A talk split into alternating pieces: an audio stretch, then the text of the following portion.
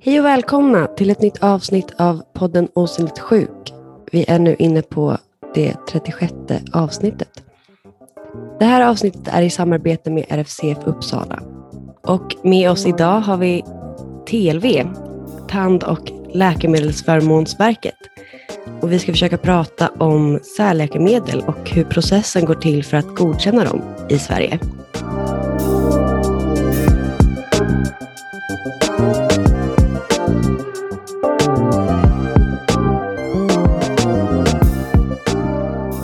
Och som många ju vet så går forskningen väldigt fort framåt när det gäller särläkemedel och det svåra med det hela är hur det ska bli tillgängligt så att alla kan få ta del av medicinerna. Och den här processen vet ju väldigt många CF-patienter är väldigt lång. Kaftrio har varit på bordet väldigt länge, i flera omgångar och är på bordet igen nu för förhandling. Så vi kommer inte kunna prata om Kaftrio specifikt, utan mer om särläkemedel generellt. Och med oss har vi då Jonathan Lind Martinsson, som är enhetschef på avdelningen för värdebaserad prissättning på Tandvårds och läkemedelsförmånsverket, TLV. Hej och välkommen Jonathan. Tack så mycket och vi uppskattar verkligen möjligheten att få, få delta. Ja, du kan väl berätta lite om vilka ni är och vad ni har för uppdrag som statlig myndighet? Mm. Jo, vi heter ju Tandvårds och läkemedelsförmånsverket och jag är enhetschef för en, en av enheterna på avdelningen för värdebaserad prissättning.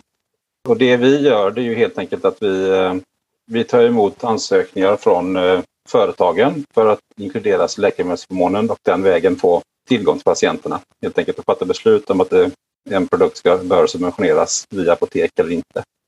Och vi tar då ställning både till det underlag som företaget har, har skickat in och till det pris som företagen då ansöker om. Så det, det är företagen som själva ansöker och sätter sina priser. Så ni kommer inte med förslag själva utan det är företagen som kommer till er?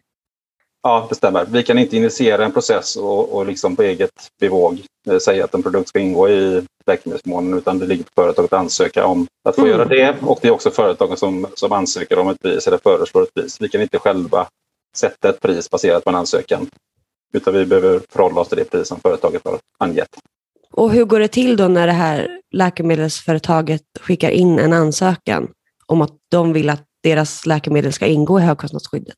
Jo, då sätter man ihop en, eh, en file som man kallar det internationellt. Och i den filen ska det ingå underlag som visar på värdet av produkten, alltså patientens nytta av produkten. Och det brukar ju, basen brukar ju alltid vara de, de studier som läkemedel har god, godkänts för. Men också andra mätningar, till exempel på livskvalitet för patienten och hur det kan påverkas positivt av en ny behandling till exempel. Vad är skillnaden på patientens nytta och patientens livskvalitet? Ja, egentligen patientens nytta, då det, använder det begreppet, då tänker vi både på förlängt liv till exempel och livskvalitet. Så det är ett, ett samlat begrepp. Okay. Mm. Man, pratar, men däremot det jag menar är att eh, i de kliniska studierna som ligger till grund för ett godkännande så kanske det inte ingår så mycket livskvalitetsmätningar så då kanske det behöver kompletteras från annat håll. Då. All den nytta som patienten har av, av en behandling och den står alltid i centrum i en sån här ansökan. De flesta studier de görs ju under en begränsad tidsperiod så oftast behöver företaget då mata in all, alla sina uppgifter i en hälsoekonomisk modell så att vi kan avgöra hur patienterna påverkas under en hel, hel livslängd. Då. Så det är ganska mycket som där vi behöver göra antaganden och göra bedömningar långt in i framtiden. Då. Vilka, mm. vilka positiva effekter en behandling kan ha. Ja, gud vad svårt beslut. Det kan vara svårt, speciellt om det finns eh, om det är lite, lite under, ja, begränsat med underlag om man, inte, man har ganska liten evidens, ganska liten kunskap. Det kan också vara att man har ganska liten kunskap men ändå ser en ganska stor potential. Sen finns det naturligtvis också en priskomponent. För priset spelar en ganska stor roll i de här analyserna. För att ju högre priset är desto svårare blir det ju också. Är det så att det, man, man ganska en, ja, på ett lättare sätt kan se sambandet mellan föreslaget pris och patientens nytta, då blir det ju enklare. Hur menar du då? Ja, men att prisnivåerna helt enkelt är eh, på en sån nivå så att vi ganska lätt kan avgöra att priset motsvarar den nytta som patienten har. Skulle du säga att det är lättare att, eh, om, om det är ett lågt pris skulle det behövas mindre studier, färre studier för att det blir godkänt? Det är alltid svårt att generalisera så. Förutom de komponenter som jag har eh, berättat om här, alltså prisnivåer och patientens nytta och de studier som ingår, så är det ju också patientens behov, alltså svårighetsgraden på sjukdomen som också spelar roll. Och det är också så att man kan acceptera högre osäkerheter i, i underlaget om det är ett stort behov och hög, hög svårighetsgrad. Mm. Det, om det är lägre svårighetsgrad så, så ställer vi högre evidenskrav också. Ja, intressant. Mycket som ska spela in. Så, så processen från början till slut är att ni först får in, får ni in en file? Nej, det skapas Nej. en file. Nej, vi får in det som man kallar internationellt en file. Mm. Det är ett engelskt begrepp, men vi kallar det för ansökan. Vi får in en ansökan ja. med, med underlag, underlag från företaget, oftast inklusive en hälsoekonomisk modell som då gör att vi kan göra en bedömning av hur hela, hela patientens, hur patientens situation eh, förändras över hela livslängden egentligen. Så vi räknar ju ofta kanske 40-50 år ifrån i tiden. Oj, jag undrar ju hur man hur kan man veta hur det ska påverka om 60 år? Det finns ju metoder. Dels har vi just det här med det vi kallar för hälsoekonomisk modell. Det har vi i Sverige använt för 20 stora slutsatser man kan, kan dra kring både livskvalitet och förväntad livslängd. Vad är definitionen av en klinisk studie? Definitionen av en klinisk studie det är väl egentligen att den oftast pratar man om kliniska studier i samband med just läkemedel och de kan, kan ju ha lite olika syften. Man brukar prata om studier i fas 1, fas 2 och fas 3.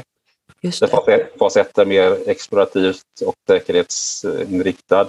Eh, oftast lite mindre. Fas 2 är lite större, svarar på ytterligare lite frågor. Och sen som de flesta studier som EMA då gör sina bedömningar, alltså Läkemedelsverket och EMA som godkänner marknadsföringstillstånd när man får lov att använda en produkt helt enkelt. Då är det oftast fas 3-studier som då är lite större och det är ofta så att det är två olika grupper också då. En som får det nya läkemedlet och en som inte får.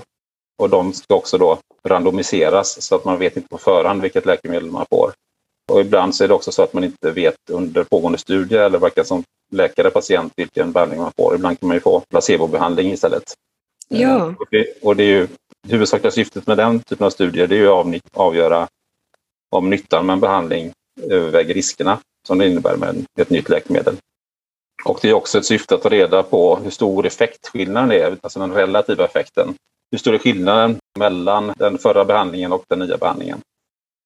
Men då, det verkar ändå som att forskningen måste ha kommit en ganska bra bit på vägen för att EMA eller European Medicine Agency ska godkänna att företaget ska kunna få marknadsföra det, eller hur? Ja, samtidigt så har ju EMA och LV har ju bara som uppgift att, att se till att säkerställa att man, man får mer nytta än man tar risker när man eh, godkänner ny behandling. Så de behöver ju ha mycket mindre information än vi behöver. De är ju mycket mer noggranna med risker till exempel än vad, vad vi är.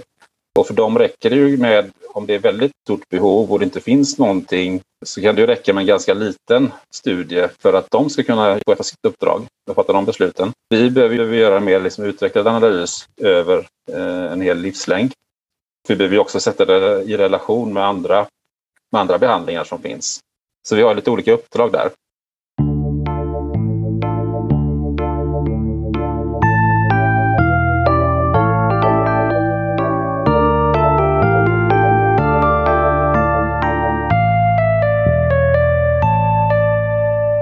Skulle du vilja förklara vad som klassas som särläkemedel och skillnaden mellan särläkemedel och vanliga läkemedel? Mm. Om man börjar just med särläkemedel så är det i första hand en juridisk term. Det kallas för orphan drugs på engelska. En särskild klassificering som EMA hanterar. Och det innebär ju en, eh, en del saker. Framförallt så innebär det att man har en viss marknadsexklusivitet. Alltså det får inte komma några andra företag som Eh, med produkter på samma område. Måste företaget ha patent på? Patent har ju alla. Just när det gäller särläkemedel, man får den här särläkemedelsstatusen, då har man en mer skyddad marknad än om man inte klassas som särläkemedel. Det kommer alltså, om det inte är klassat som särläkemedel så kan det komma ganska, flera stycken företag som lanserar samma verkningsmekanism men ändå olika substanser. Som alla är har varsitt patent om man säger. Så det är en lite mer skyddad marknad när det gäller särläkemedel på EPOS-nivå. Och tanken med det är ju att skapa incitament för att forska mer på, på mindre patientgrupper. Sen har inte TLV just särläkemedelsstatus som ett kriterium hos oss.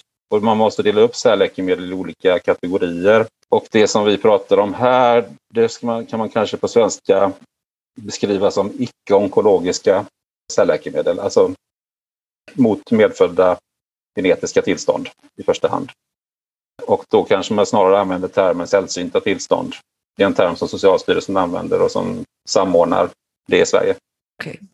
Så det finns, det finns både onkologiska särläkemedel och ja. icke-onkologiska. Och det är de ja. två typ, kategorierna av särläkemedel som finns? Grovt förenklat så kan man, för det, det, en, eh, det finns en del mindre cancerläkemedel som också får särläkemedelsstatus. Det är inte särskilt ovanligt. Jag tror att de flesta länder i Europa och eh, där vi står längst ifrån industrin, det är det som vi kallar för onkologiska läkemedel. Det där ser vi ofta väldigt mindre patientgrupper, mindre studier och väldigt höga priser. Och är det också så att det blir väldigt höga priser för att det är ett företag som kan göra just den medicinen? Det kan vara så, ja. Att mm. man har eh, ensamrätt och att det finns för få företag helt enkelt som tar fram produkter för just det tillståndet. Men du sa också att det skulle göra att det är en mer skyddad marknad skulle göra att folk skulle forska mer på särläkemedel? Det är grundtanken med, med särläkemedelsstatus eller orphan drug status. För att Sen man kan är... tjäna mer på det? Eller? Nej, men just för att man får den här marknadsexklusiviteten. Sen är ju inte det riktigt... Det finns utmaningar med, med det. Dels är det inte helt självklart hur det här skyddet ser ut i företagen. För ibland dyker det, kommer det ju faktiskt flera. Även inom ett sådant eh, område. Då. Från TLVs sida, vi har ju tittat närmare på det här hur man ska se på små patientgrupper. Och det är också så att för, vi tycker också att den här särläkemedelsstatusen inte är särskilt träffsäker egentligen. Vi tycker den slår för brett. Att liksom den definitionen innebär, innebär att det blir ganska stora patientgrupper och då, då är det svårt att, att göra skillnad ur vårt perspektiv från just när det gäller särläkemedelsstatus kontra eh, vårt beslutsfattande. Så vi pratar hellre om eh, läkemedel för sällsynta tillstånd och små patientgrupper för att särskilja det lite mer. Okej, okay. men vad, vad, hur stor är en stor patientgrupp och hur liten är en liten? Ja, det är ju en definitionsfråga naturligtvis. Mm. Och det beror ju på vad man jämför med. Men för er liksom? För, för oss, om man säger om vi... För vi har ju lite komponenter i vårt beslutsfattande. Dels vi måste ju ta hänsyn till den etiska plattformen. Och det är framförallt svårighetsgraden som, som styr hur, hur hög betalningsvilja vi kan ha. Men det är också så att vi kan betala mer för små patientgrupper i vissa fall och då pratar vi om patientgrupper kanske upp mot 40 personer. Okej. Okay. Sen är det ju också, och tanken med det, det är ju samma tanke där bakom att man då ska kunna få tillgång till eh, läkemedel även för, den, för väldigt små patientgrupper. Sen måste man ju också hitta lite grann också på, på liksom försäljningsvolymen av en enskild produkt. Det kan ju hända att det, det kan vara två eller 300 patienter inom en patientgrupp. Den är ju ganska liten jämfört med stora folksjukdomar och större cancerformer till exempel. Men om man däremot tittar på försäljningsvolym och en rimlig ersättning till industrin så kan det ju ändå vara så att en behandling där skulle ha en ganska stor försäljning och därmed en rimlig ersättning till, till industrin. I Sverige har man alltså enats om att använda värdebaserad prissättning. Eh, och vad är det det innebär? Och hur räknar man ut det när alla sällsynta sjukdomar är så olika varandra. Mm. Just de metoderna som vi använder de är faktiskt särskilt anpassade just för att kunna jämföra mellan olika sjukdomar som är olika.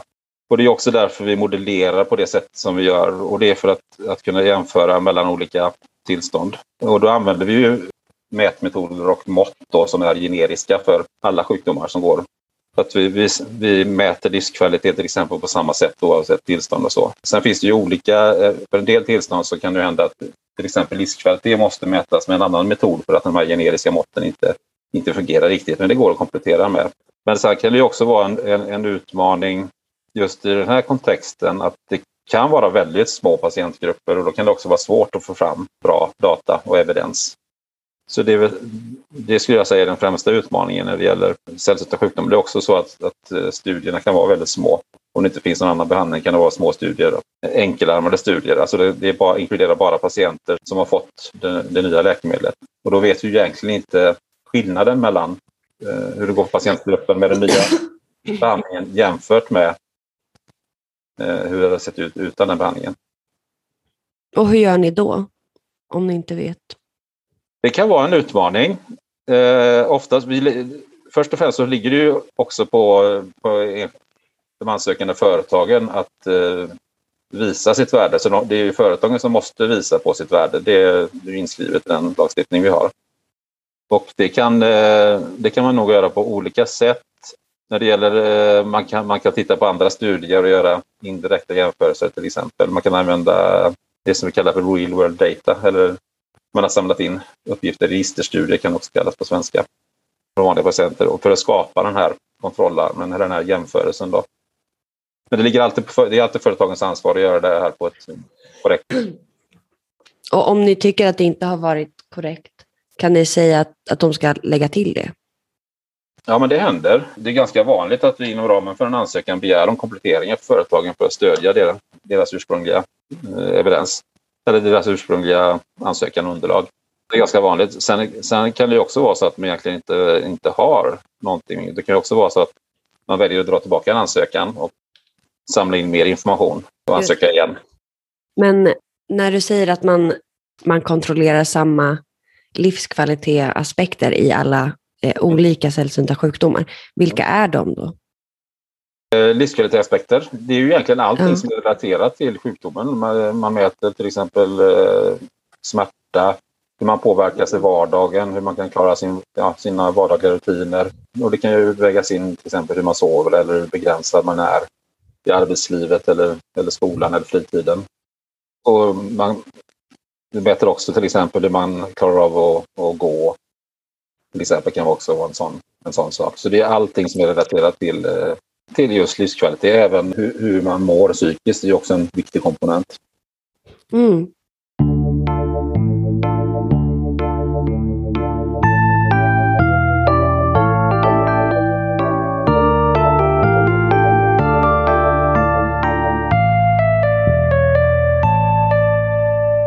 Vad innebär Quality Adjusted Life Years, alltså kvalitetsjusterande år?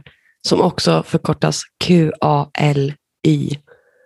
Precis, QALY och det är ju egentligen det som man kan kalla för, som vi har pratat om eh, tidigare, eh, just nytta. Det är patientnyttan i ett mått. Och en QALY det är ju ett, det är ett mått som är sammansatt både av livskvalitet och eh, livslängd.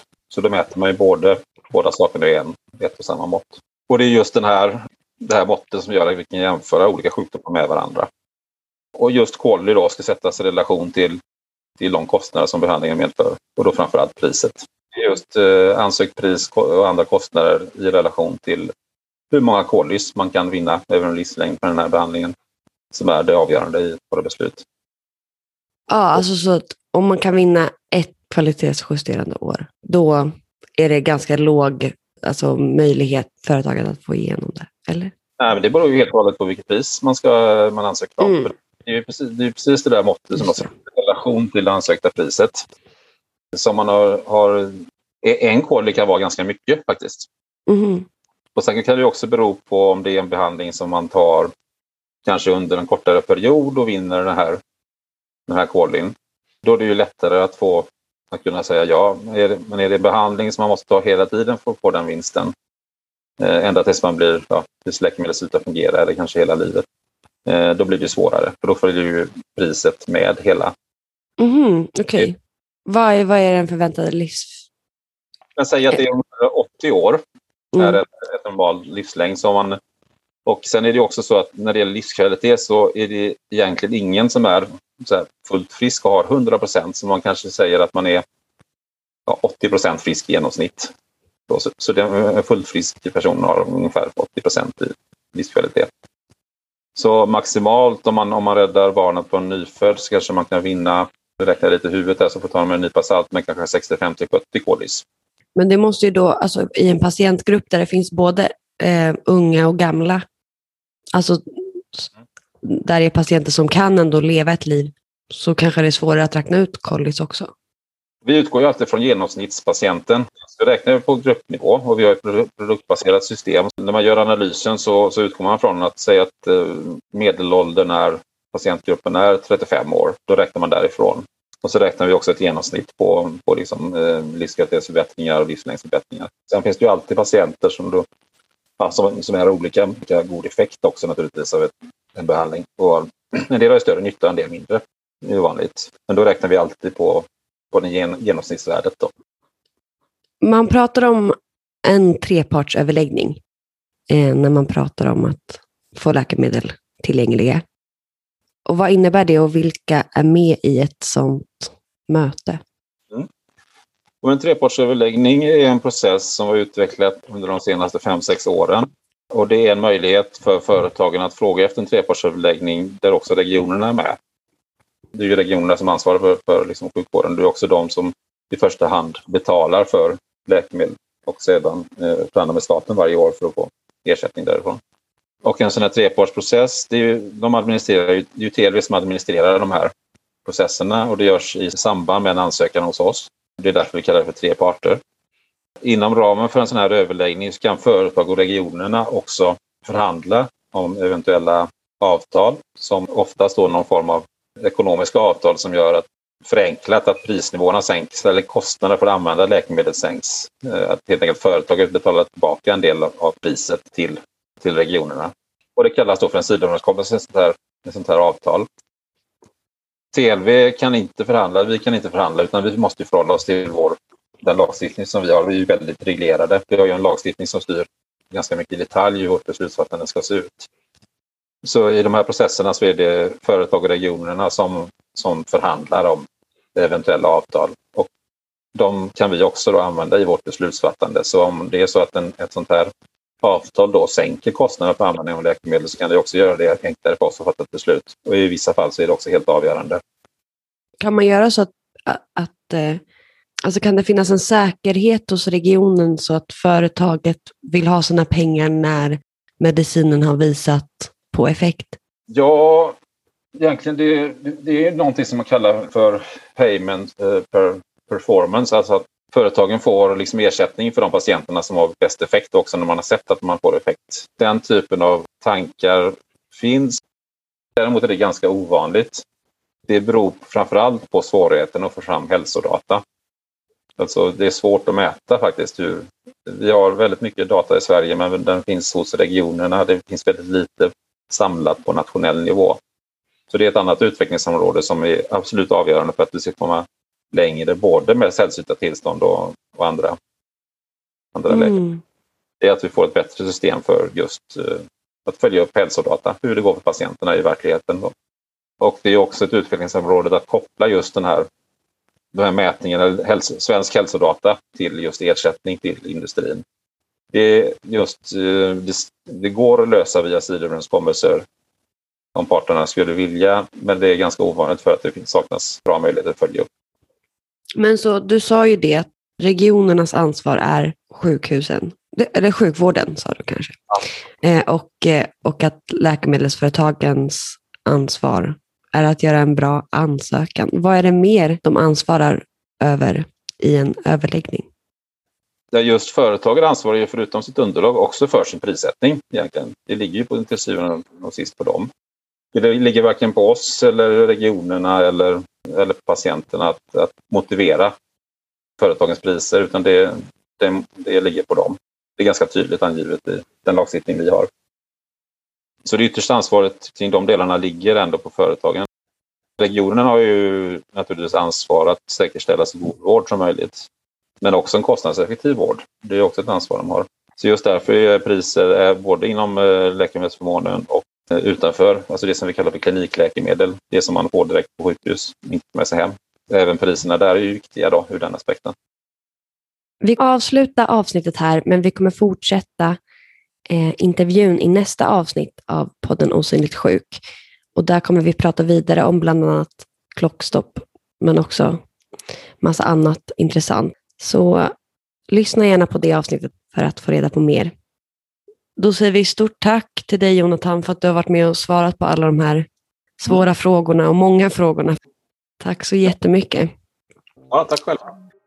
Och jag som också har pratat och intervjuat heter Moa. Tack så mycket för att ni har lyssnat. Hej då!